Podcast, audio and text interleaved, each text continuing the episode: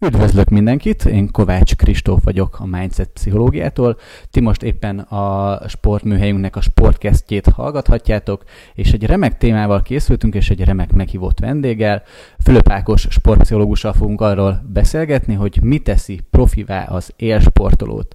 Ákos, egy beszélgettünk arról, hogy hogyan is mutassa meg, és hát annyi minden van, hogy inkább át is fogom adni a szót. Így röviden, Ákos egyébként Mosomagyaróváron van, a kézilabda csapat mellett pszichológusként, illetve uh, a Dávid Gerinc klinikán is dolgozik, emellett pedig sportol is, korábbi élményeit a vizen, lapáttal szerezte, azóta pedig fűre és labdára váltott, és most pedig amerikai focizik. No, Ákos, egy kis rövid bemutatásod után kérlek te is mondj magadról néhány szót, hogy hogyan is néz ki a te uh, személyes szakmai portfóliód.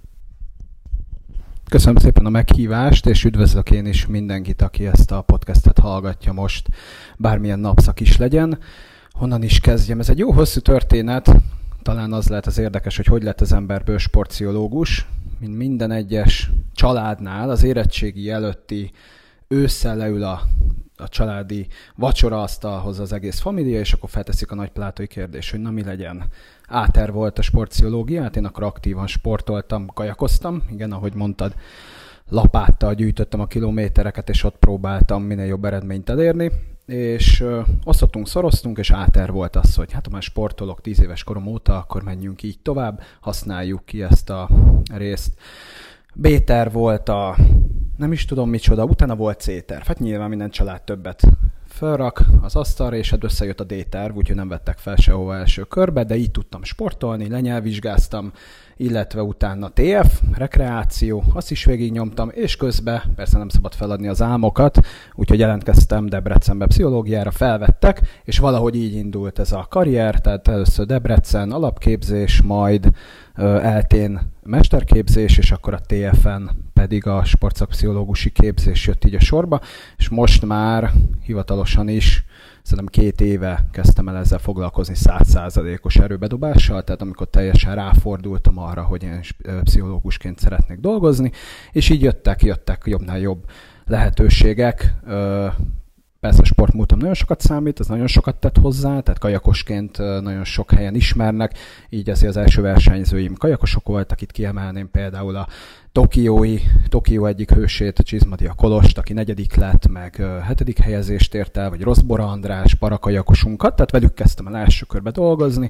Most ma Kolossal lassan három éve dolgozunk együtt, és utána szépen gyűltek a sportolók, jöttek, kerestek meg. Most a kézilabdában Moson-Magyaróváron vagyok pont egy éve, és azt beszéltük, hogy folytatjuk a közös munkát, úgyhogy a következő szezonban is erősítem a csapatot, és törekszünk arra, hogy minél jobb eredményt érjünk el, illetve a Dávid Gerinc klinikánál is dolgozom most már jó fél éve, de lehet nem is, de repült az idő, lassan egy éve, és ott pedig a minden olyan személlyel, aki, aki a klinikán valamilyen fájdalommal, valamilyen mozgásszervi panasszal jelentkezik, de felmerül az a kérdés, hogy lehetséges a lelki eredetű valamilyen összefüggés, akkor a kollégák hozzám irányítják ezeket a szabadidős sportolókat, átlagembereket, avagy élsportolókat, mert hogy ott is nagyon sok kézilabdás fordul meg, így a aktívan részt veszek most több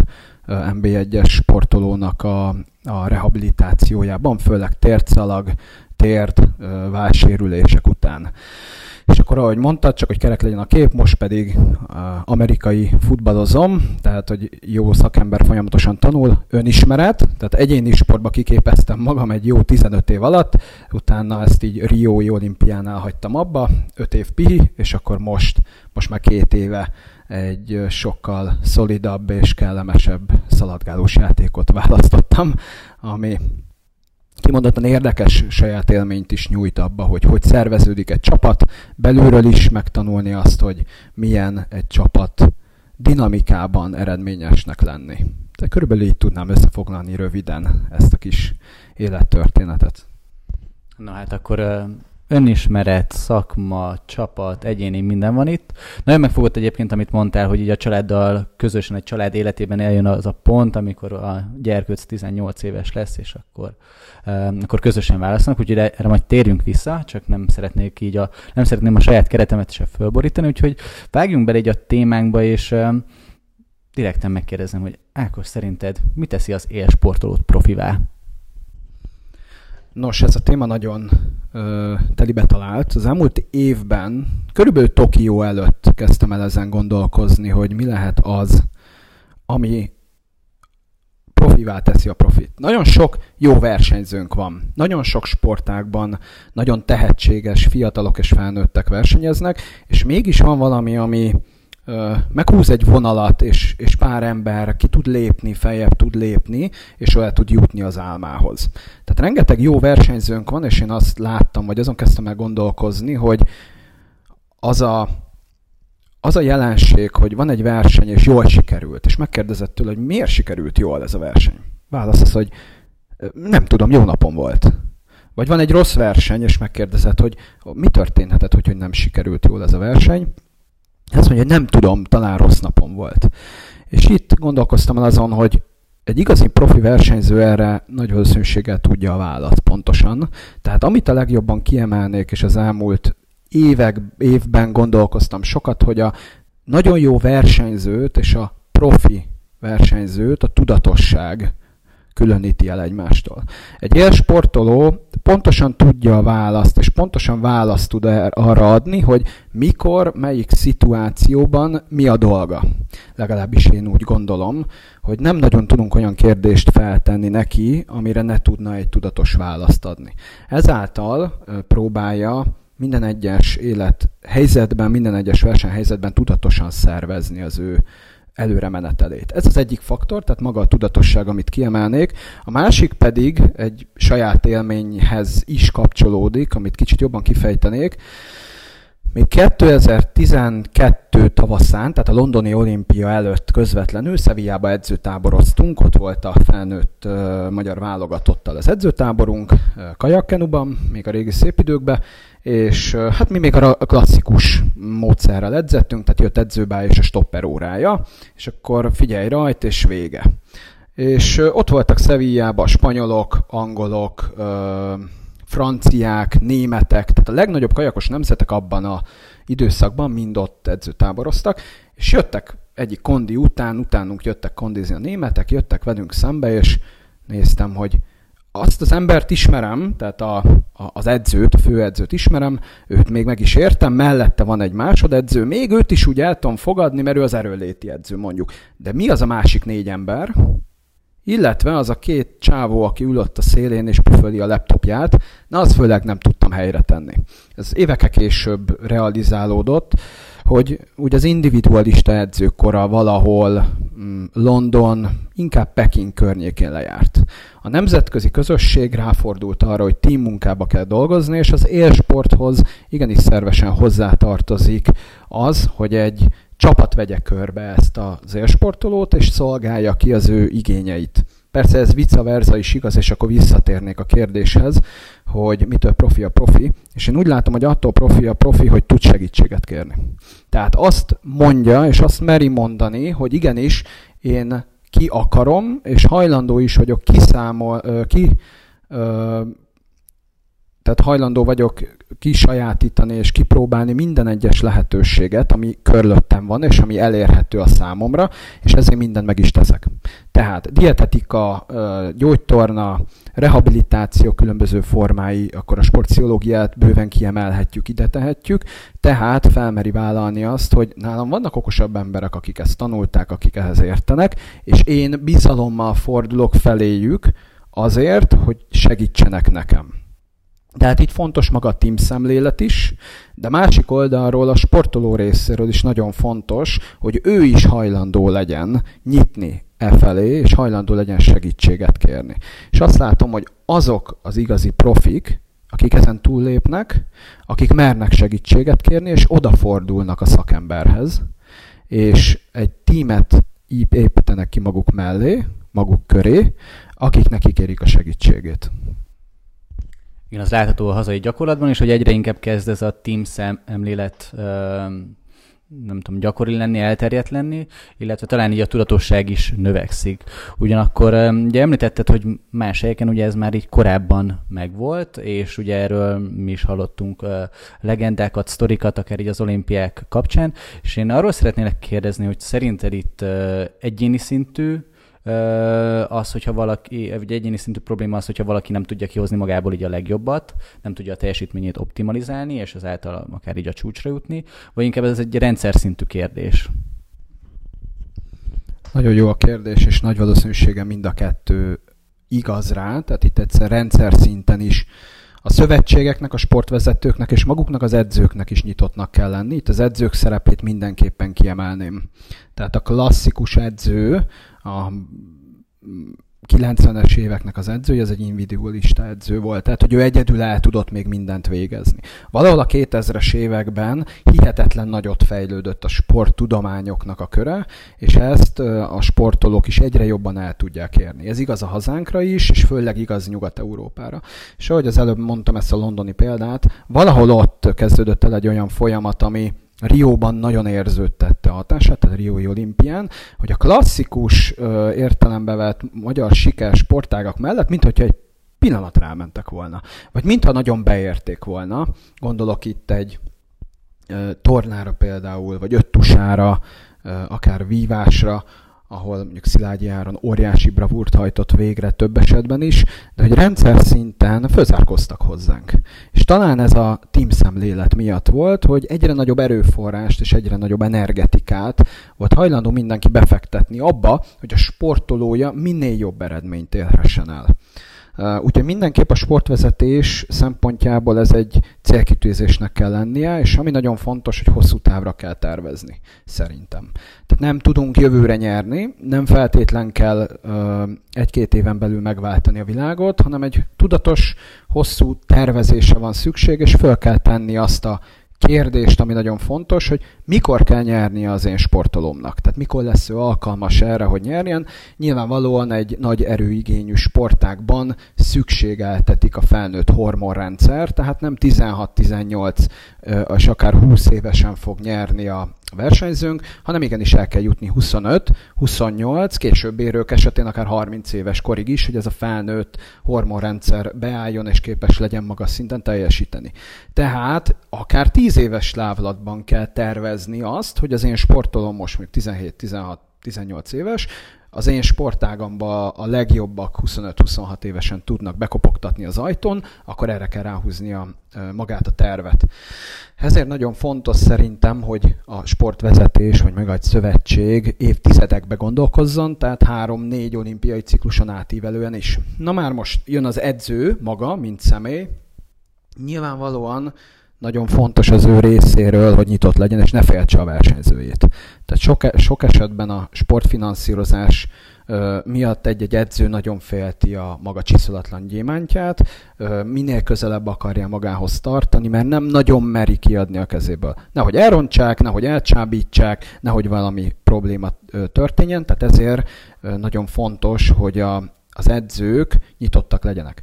Nagyon pozitív, hogy szerintem az, a fiatal edzői generáció erre már nagyon nyitott, tehát nagyon lelkesen és nagyon őszintén kér segítséget különböző szakmák képviselőitől, és, de itt viszont nagyon fontos az idősebb edzői generáció, aki még egy régebbi sportrendszerben szocializálódott. Itt is nagyon-nagyon jó példa, példákat tudok például felsorolni.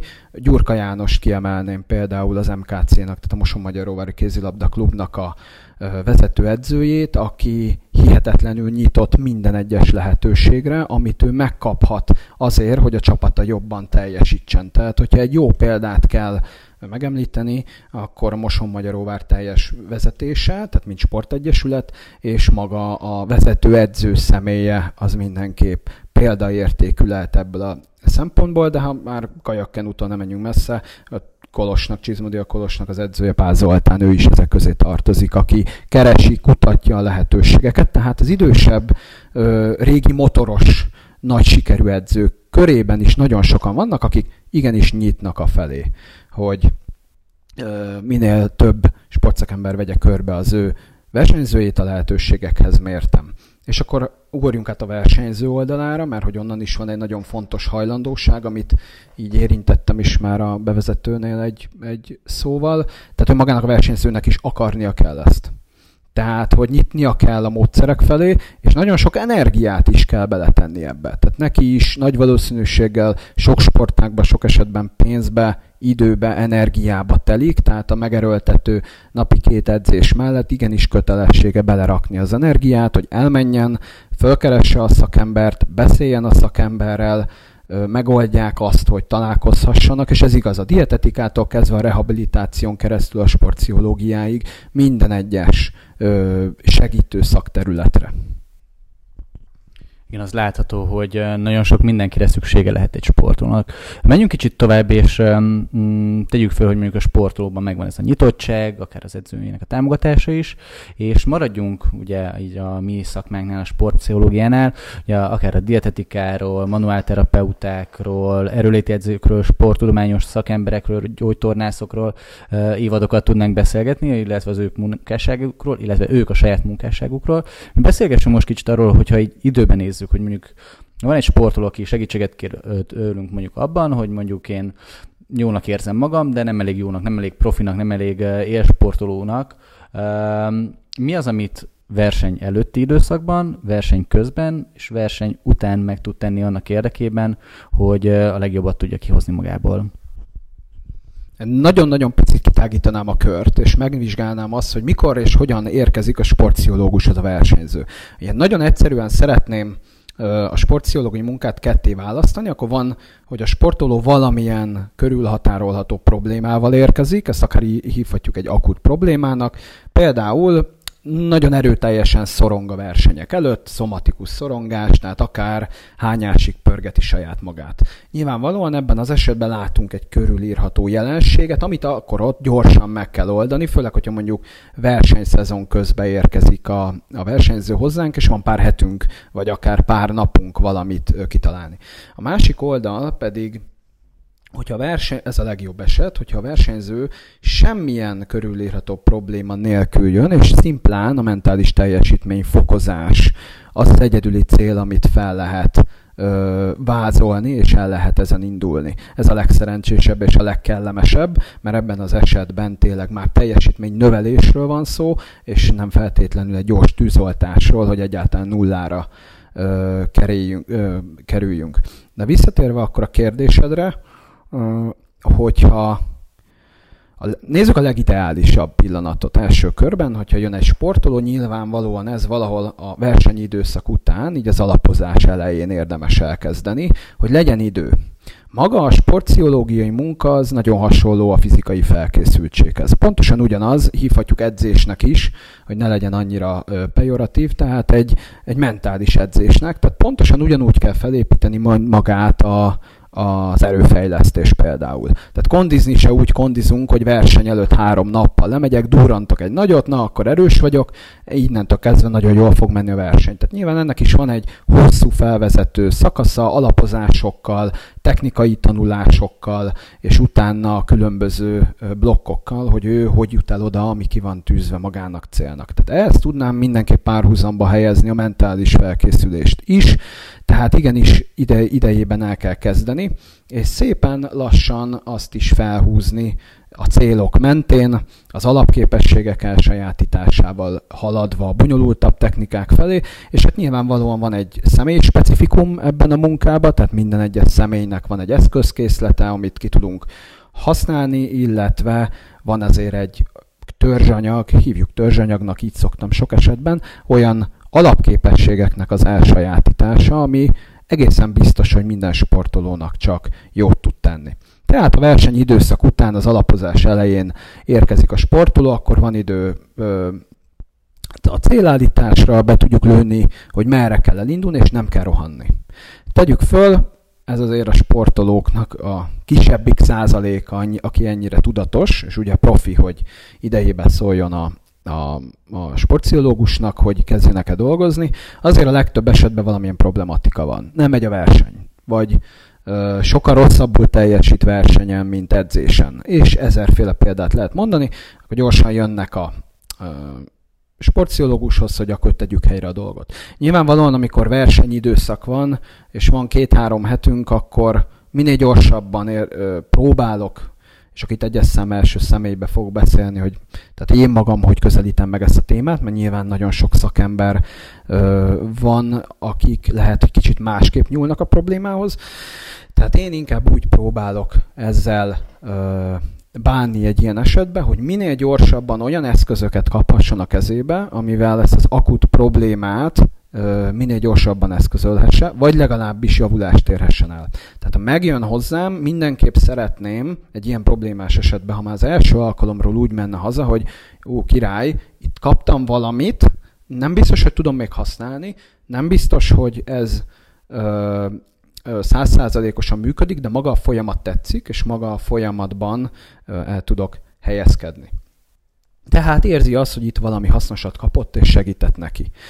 Tehát ha nagyon szét szeretném bontani a kérdésedet, akkor ezt e, e, e körül a két aspektus közül, köré bontanám, vagy így vágnám ketté. Tehát akut problémával érkezik, e, és akkor, ha versenyidőszak van, nagyon gyorsan kell reagálni, és akkor eszközöket adni a kezébe, tudjon mivel játszani, tudjon mivel erőre lépni, és hogyha már elég tudatos a sportol, és tényleg csak teljesítményfokozásra érkezik, és ne talán ezt a versenyidőszaktól távol az alapozó időszakkal párhuzamosan, akkor pedig nagyon-nagyon kellemesen van idő minden egyes technikát, minden egyes készséget, tulajdonságot monitorozni, fejleszteni és elindulni a célok felé. Igen, ugye ebben is van egy ugye ilyen tanulási fázis, utána jöhet az alkalmazási fázis, és utána majd a versenyen a konkrét alkalmazási fázis is. Uh, mit gondolsz, ugye, amikor itt beszélgettünk kicsit, hogy mi az, ami így előtte szóba jöhet, mi az, ami így akár egy verseny közben, mi az, ami így utána a leginkább a regenerációt akár testi, akár mentális szinten segítheti? Itt kimondott technikákra gondolsz akár. Megközelíthetjük innen is. Jó. Az elmúlt egy évben gondolkoztam nagyon sokat ezen, hogy azt látom, hogyha érkezik egy sportoló, ahogy az előbb említettem ezt a törzsanyagot, vannak alapkészségek, amit mindenkinek érdemes elsajátítani.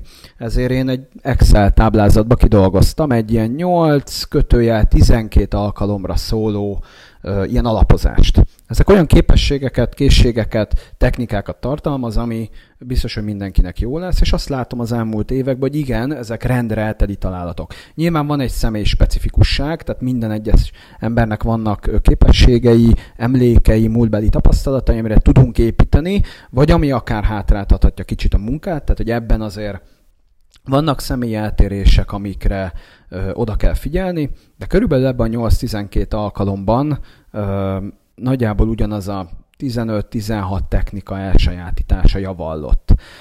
Én nagyon szeretek kognitív és viselkedés terápiás eszközökkel dolgozni. Hát a tudáshatalom, ahogy tartja maga a mondás is, és a maga kognitív kapacitásunk az elég nagy erőt és nagyon sok lehetőséget biztosít a számunkra, amit szeretek rögtön kihasználni. És főleg egy érzelmileg nagyon terhelt időszakban, mondjuk egy versenyidőszakban, ami főleg minél magasabb szinten sportol az egyén, annál élesebbé válik, szeretek magára az elmére támaszkodni, és az elme erejére támaszkodni. Tehát úgy képzem el a munkát, hogyha nagyon szét szeretném ezt is bontani, hogy első körben ezeket a kognitív elemeket támadjuk, és kognitív ö, technikákat ö, tanítok, és tanulunk meg, és utána kezdjük el alkalmazni, ahhoz, hogy maga a személy minél jobban tudjon állni a jelenben két lábon, és minél nagyobb lehetősége legyen kontrollálni a körülötte lévő eseményeket. Hogyha ez megvan, tehát nyilvánvalóan nem felejthetjük el ezt az érzelmi aspektust, azt a tudat alatti ö, szférát is, ami ö, mindannyiunkkal velünk van, és én akkor szeretem csak ezt elkezdeni megbabrálni, hogyha már elég stabilak vagyunk odafönt, tehát hogyha a gondolati szféra kap olyan támpontokat, kapaszkodókat, technikákat, amikkel egy esetleges megpiszkált emlékkel, valami szélsőséges érzelmi hatással már fel tudja venni a versenyt. Tehát azt szeretem, hogyha maga a versenyző már biztonságban érzi magát, és kontrollhelyzetben érzi magát, amikor sokat szoktuk emlegetni, ilyen önismereti munkába kezdünk, és akár egyre absztraktabb szinteken elindulunk lefele, és elkezdjük feldolgozni a mélyét. Tehát első körben ez a törzsanyag, amit említettem, ez körülbelül pont ezt az alapozást is szolgálja. Nézzünk technikákat. Amit nagyon sűrűn látok, és hogyha van köztünk a hallgatóság között sportoló, most sportoló, vagy régen sportoló biztos szívére teheti a kezét, hogy a negatív gondolkodás az elég sok esetben velünk volt. Mire gondolok? Egy versenypályán, vagy a vizen, vagy bármilyen sportágnál elég sokszor elő tud jönni az a gondolat, hogy szar vagyok, mit keresek itt, miért vagyok itt, a többiek sokkal jobbak, és lehet ezt sorolni. Hát és nagyon nem mindegy, hogy ez a belső beszéd, ez a belső gondolati áramlás, ez milyen irányba visz minket. Tehát abban az esetben, hogyha nagyon negatív gondolatok jönnek előre, ez egyértelműen csökkenteni fogja a teljesítményünket. Nekünk meg mi a célunk? Nyilvánvalóan a teljesítmény növelés, főleg ha az élsportot nézzük, akkor mindig az a célunk, hogy jobbak lehessünk. Tehát ez a negatív gondolkodás tuti csökkenti a, teljesítményünket, tehát első körben megoldjuk, akkor nullára fogunk tudni kerülni ahhoz képest, de nekünk inkább a növelés a cél, tehát megvannak azok a technikai elemek, amivel mi akár fölfele is el tudunk mozdulni, és pont, hogy többletet tudunk szerezni. Erre én magam így összeraktam négy különálló sportpszichológiai technikát, amit így egy csomagba rendeztem, és csak frappánsan úgy hívom, hogy a négyes technika. Mert úgy láttam, hogy igazából egy irányba mutat, és ennek az első lépése az a negatív automatikus gondolatoknak az észrevétele, tehát megint visszatérünk a tudatossághoz, tehát az a legnagyobb fegyvertény, hogyha tudjuk, hogy én egy-egy szituációban mire és hogy reagálok, akkor azzal már tudunk is mit tenni. Tehát nagyon sokáig az az ijesztő a számunkra, ami, ami, amit nem ismerünk, amit nem tudunk körülhatárolni. Ezek lehetnek belső késztetések is, de hogyha visszaugrunk pár száz évet, mikor a nagy felfedezők elindultak a hajóikkal az óceánokon, akkor különböző mondákat, meséket találtak ki arra, hogy megmagyarázzák az ismeretlen. Tehát maga az emberi agy az így működik, hogy keresi a bizonyosságot a bizonytalanban, és nem véletlenül az ókori görögök is a, a villámlást hogy tudjuk megmagyarázni. Tehát, hogy szinte felfoghatatlan az az erő, ami ott mozgolódik. Hogyha hozzátesszük, hogy hát Zeus fönt az Olympus tetején állván dobálja lefelénk, az mindjárt kezelhetőbbé válik. Tehát, ha visszaugranék még száz évet, ezt a gondolatmenetet első körben talán Sárkó, svájci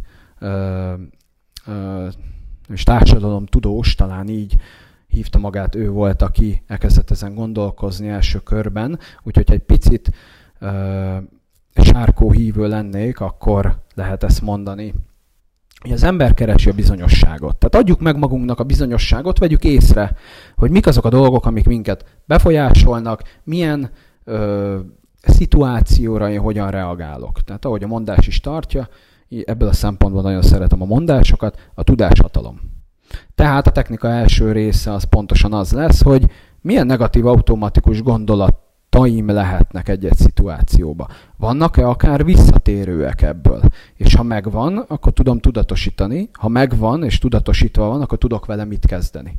Ezek után elkezdhetünk dolgozni azon, hogy ezt valahogy átalakítsuk, és utána valami olyan tartalmat tegyünk a helyére, ami inkább fölfele visz minket, és nem lefele. És akkor ugranék egy nagyot a, a technika negyedik részére, ami maga az eszenciája ennek az egésznek, a pozitív belső beszéd. A NL Café-tól kezdve bármi, bármeddig nagyon sok helyen olvashatjuk, találkozhatunk belő, bele, hogy gondolj pozitívan, meg gondolkozz pozitívan. Hát, ja, köz, könnyű mondani, gondolkodj pozitívan, de mégis van ebbe valami. És megint visszatérnék az első gondolathoz, hogy a tudatossághoz. Tehát nem az lesz a nagy uh, trúbáj, hogy én uh, észreveszem-e azt, hogy negatívan gondolkozok, vagy sem, hanem hogy tudatosan teszem ezt. Futtatom-e azt a programot folyamatosan magamba, és folyamatosan monitorozom a saját magamat, és ha találok valamit, eszembe jut-e, hogy mit kell tennem, és, hogy, és tudom-e, hogy mit kell tennem. Tehát megint a tudatosság lesz talán a sportoló legnagyobb fegyvere, mert hogy minden egyes sportoló el tudja mondani magáról, hogy igen, volt már olyan, hogy rossz flóba voltam versenyen, volt, amikor észrevettem, volt, amikor nem, nem vettem észre. És ettől profi a profi szerintem, hogy ő minden egyes pillanatban ö, olyan kontrollhelyzetben van, hogy ő képes észrevenni azt, hogy milyen állapotban van, egyszer észreveszi, azonosítja, és utána pontosan tudja azt, hogy mikor, milyen helyzetben, mit és hogyan kell alkalmaznia. Jó rég volt a kérdésed, amit feltettél, nem tudom, válaszoltam-e rá, de mindjárt kiderül. Szerintem kerek így, igen, és így a, a tudatosság mentén szeretnék itt tovább haladni veled, és így láthatjuk, hogy oké, okay, dolgozunk sportolókkal, akár bármilyen sporttudományi szakember, de hogy néha vannak ezekben olyan pillanatok, amikor a tudatosság annyira nincsen, megbukik a diéta, nem tudom, meggyújtásra kerül egy cigi, lecsúszik esetleg egy sör, vagy éppen kimarad egy hét meditáció, vagy mentál tréning nélkül. És ugye szerintem arra mutat rá, hogy mennyire fontos a sportban az, az a témakör, amit szeretnék itt behozni, ez az áldozatok, lemondások, a megvonásoknak a témaköre. Tehát, hogy a sportolói, az élsportolói lét ezzel nagyon erősen együtt jár. És ebben is szerintem ez a, én ezt ilyen, ezt a Matrixot, amit így mondtál, hogy valamiről tudunk, valamiről nem tudunk, valamit tudunk kezelni, valamit nem tudunk kezelni, és hogy ebben is ugye vannak szintek, hogy hol, hol állunk ebben ilyen áldozatok, lemondások tekintetében. És volt egyszer egy sportoló, amikor így én célokat állítok, akkor mindig beszélgetek áldozatokról, lemondásokról, mert szerintem ez így nagyon fontos, és ő azt mondta, hogy ő ezeket nem éli meg egyáltalán annak, hanem ez így a sportolói létnek a velejárója. Nekem ez azt mutatta meg, hogy ő már azon a szinten van, ahol így ez teljesen így beépült.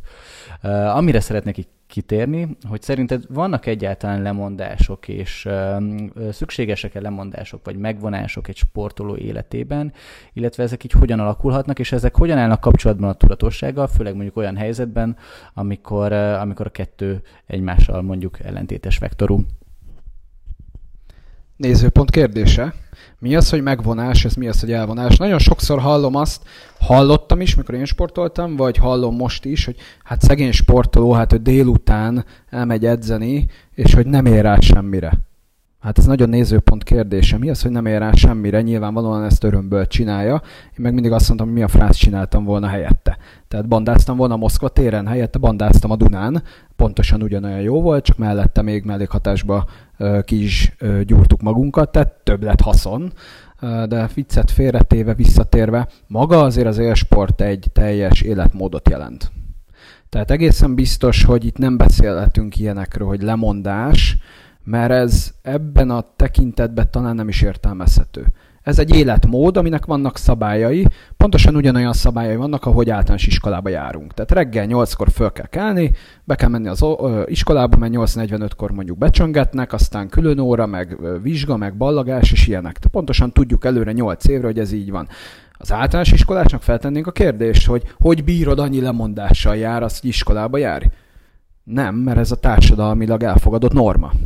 Tehát maga az élsport is egy szubkultúrának a része, és annak a szubkultúrának is megvan a maga normája, amiben nézőpont kérdése, hogy ezt, ezt lemondásnak, vagy valaminek az elvonásának érzékeljük-e, de nézzük akkor a normál populáció szemszögéből, tehát egy hétköznapi ember szemszögéből ez abszolút lemondásnak tekinthető. És inkább a problematika ott jön ki, hogy minden egyes sportoló a normál társadalom része is. Tehát vannak barátai, családtagjai, ö, olyan személyek, akik lehet nem értik pontosan, hogy ez az életmód mivel jár, na ebben az esetben lehet diffi. Tehát, hogy itt az élsport és a normál ö, ö, élet között ö, vélhetünk felfedezni olyan különbségeket, ami a normál oldalra azt mondjuk, hogy úristen, neked milyen rossz, hát nem tudsz elmenni minden hétvégén bulizni, micsoda dolog, de hát nem minden ember megy alapból se bulizni. Tehát vannak olyanok, akik nem bulizósok, akkor ők is feláldoznak valamit? Nem, csak szimplán nem szeretnek minden hétvégén valami tömött diszkóba ugrálni. Tehát azért itt a személyes preferencia is nagyon számít. No de, a normál populáció oldaláról nézve, igen, vannak lemondások, és igenis ezeket föl kell vállalni. És itt nagyon fontos megint akkor a tudatosság, ezt jó sokszor el fogjuk ma mondani, és a hosszú távú tervezés. És talán ezért is nagyon fontos, hogy már tinédzser korba a nagyon tehetségesek, vagy akik nagyon akarnak elkezdjenek foglalkozni azzal a kérdéssel, és én az ifi sportolóimmal több esetben átbeszélem, hogy mi kell ahhoz, hogy valaki olimpikon legyen, hogy ezt elkezdjük tudatosítani, hogy azon kívül, hogy egy gyönyörű szép érem lóg az ember nyakába, és a reggeli műsorra, reggeli műsorra végighaknizza az országot, és egy idollá válik, mögött 15 év, 20 évnyi kőkemény életmód áll. Mi az, amiről le lehet mondani, vagy mi az, amiről le kell mondani? Nyilvánvalóan sokkal szorosabb életvitelt kell élni. Amibe bele kell, hogy férjen, nek, bele kell, hogy férjenek azok a kiegészítő tevékenységek, tehát magán az edzésen kívül, ami kell ahhoz, hogy ő jól tudjon teljesíteni. Hogyha a kiegészítő tevékenység az, hogy egy 8%-os zsír, testzsír százalékot fönn kell tartani, akkor ahhoz a megfelelő táplálkozásra van szükség. Vagy a sportpszichológiánál maradva, hogyha el kell járni hetente a sportpszichológushoz, le kell ülni vele, meg kell csinálni a házi feladatokat, gyakorolni kell a technikákat, akkor igenis erre időt, energiát és akár pénzt is kell szánnia. Tehát sok esetben, mikor felmerül ez a lemondás kérdés, akkor egy jót mosolygok, mert igazság szerint ez nézőpont kérdése. Honnan nézzük? Egy élsportoló részéről én ezt, szerintem ez nem lemondás. Ezt választotta, felnőtt ember, hozott egy döntést, és hát a lemondások mellett, csak hogy maradjunk ennél a szónál, hihetetlen sok előnye is van. Bejárja a félvilágot, utazhat, jó testalkata lesz, sportolhat, és akár még pénzt is kereshet vele, hát az aztán a csúcsa magának az élsportnak. Úgyhogy egészen biztos, hogy meg kell húzni a gatyamadzagot, és egy teljesen új életmódot kell elsajátítani, amiben az ember koherensen, stabilan két lábbal tud állni. Mielőtt kiakasztanánk itt a tudatosság szónak a mér, mérését, így szeretnék áttérni veled egy másik témára, és ezzel kapcsolatban megosztanám egy ilyen saját élményemet. Egy sportcsapattal dolgoztam együtt, és arról beszélgettünk, hogy mik azok a tényezők, amelyek a sikert eredményezhetik akár csoport, vagy csapat, akár egyéni szinten. És bejött egy tényező, ami engem nagyon meglepett, ez pedig a szerencse volt, és én így a csoporttal nagyon sokat, nagyon sokat dolgoztunk ezen, hogy az olyan benn maradjon-e a top 8-ban, az tényleg ilyen fontos-e, vagy sem. Voltak, akik mellett érveltek, voltak, akik ellene, én inkább az utóbbihoz társítottam. Számomra a szerencse nem egy ilyen kiszámítható, nem egy ilyen tudatos szintre vihető faktor. Mit gondolsz arról, hogy mégis ugye így a hétköznapi sportretorikában benne hogy szerencséje volt, neki volt jobb napja, ők, ők, kelte, ők ballábbal keltek föl, és a többi, hogy sok nyilatkozatban ez megnyilvánul, hogy van-e szerencsefaktor, van-e szerencsefaktor az élsportban, akár így az olimpiai bajnokok, akár így a legmagasabban jegyzett sportolók szintjén?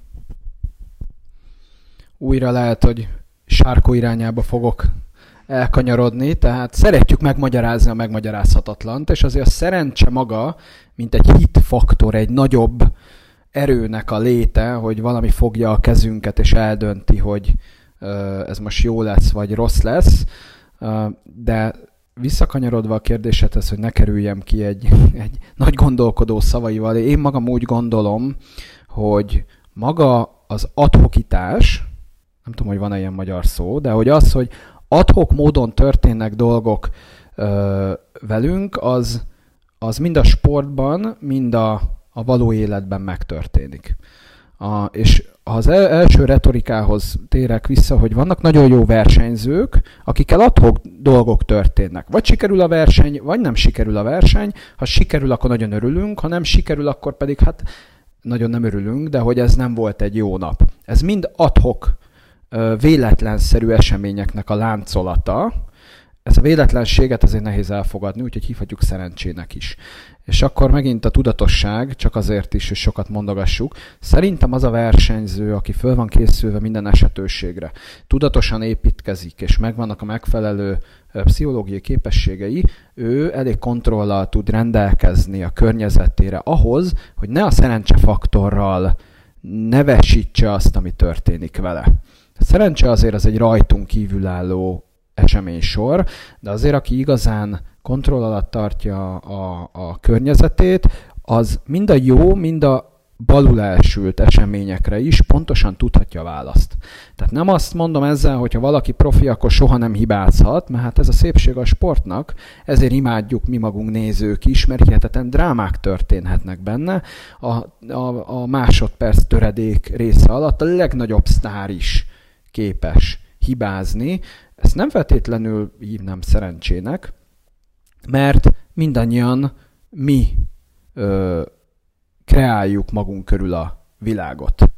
És mi vagyunk a, a dolgoknak az eldöntő, hogy mind jó, meg rossz irányba is, de hát nyilván minél nagyobb kontrollal rendelkezünk, és minél ö, több lehetőségünk van arra, hogy tudjuk, hogy mi történik körülöttünk, annál kisebb lesz a lehetősége ennek a szerencsefaktornak, de akkor, mivel a kéznapi retorikában ez bőven él, és a sportban is megvan, ezt a szerencsefaktort akkor fogadjuk el, és, és tartsuk meg, mert hogy a mindennapi kommunikációnkban és vélekedésünkben ez bőven benne van. Tehát inkább a kérdés az, hogyha meg is tartjuk, mit tudunk ezzel kezdeni mit jelent az, hogy szerencse, mondjuk akkor gondolom egy sportcsapat esetében ez, amikor véletlenül a labda mondjuk az ellenfélhez pattan, ezt hívhatjuk szerencsének vagy sem, de hát inkább a kérdés az az lesz, vagy van egy versenyünk, van egy meccsünk, ami mondjuk foci esetén 90 perc, amerikai futball esetén mondjuk két és fél óra,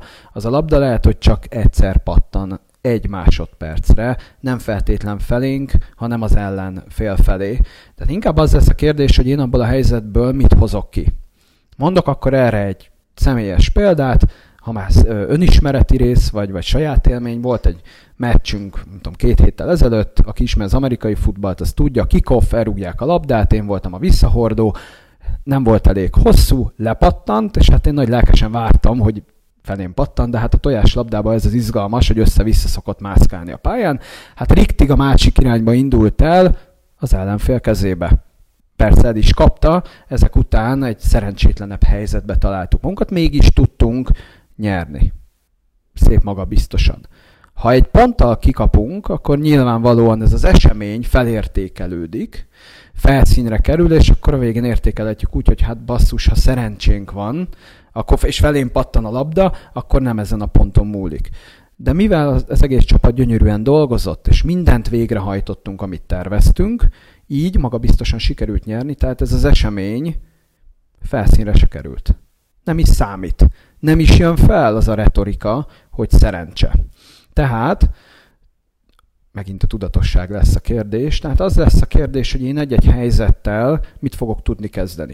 És sok esetben maga a szerencse az egy meg nem határozható, be nem tervezhető, sok esetben elfogadhatatlan szituációnak a megnevesítése.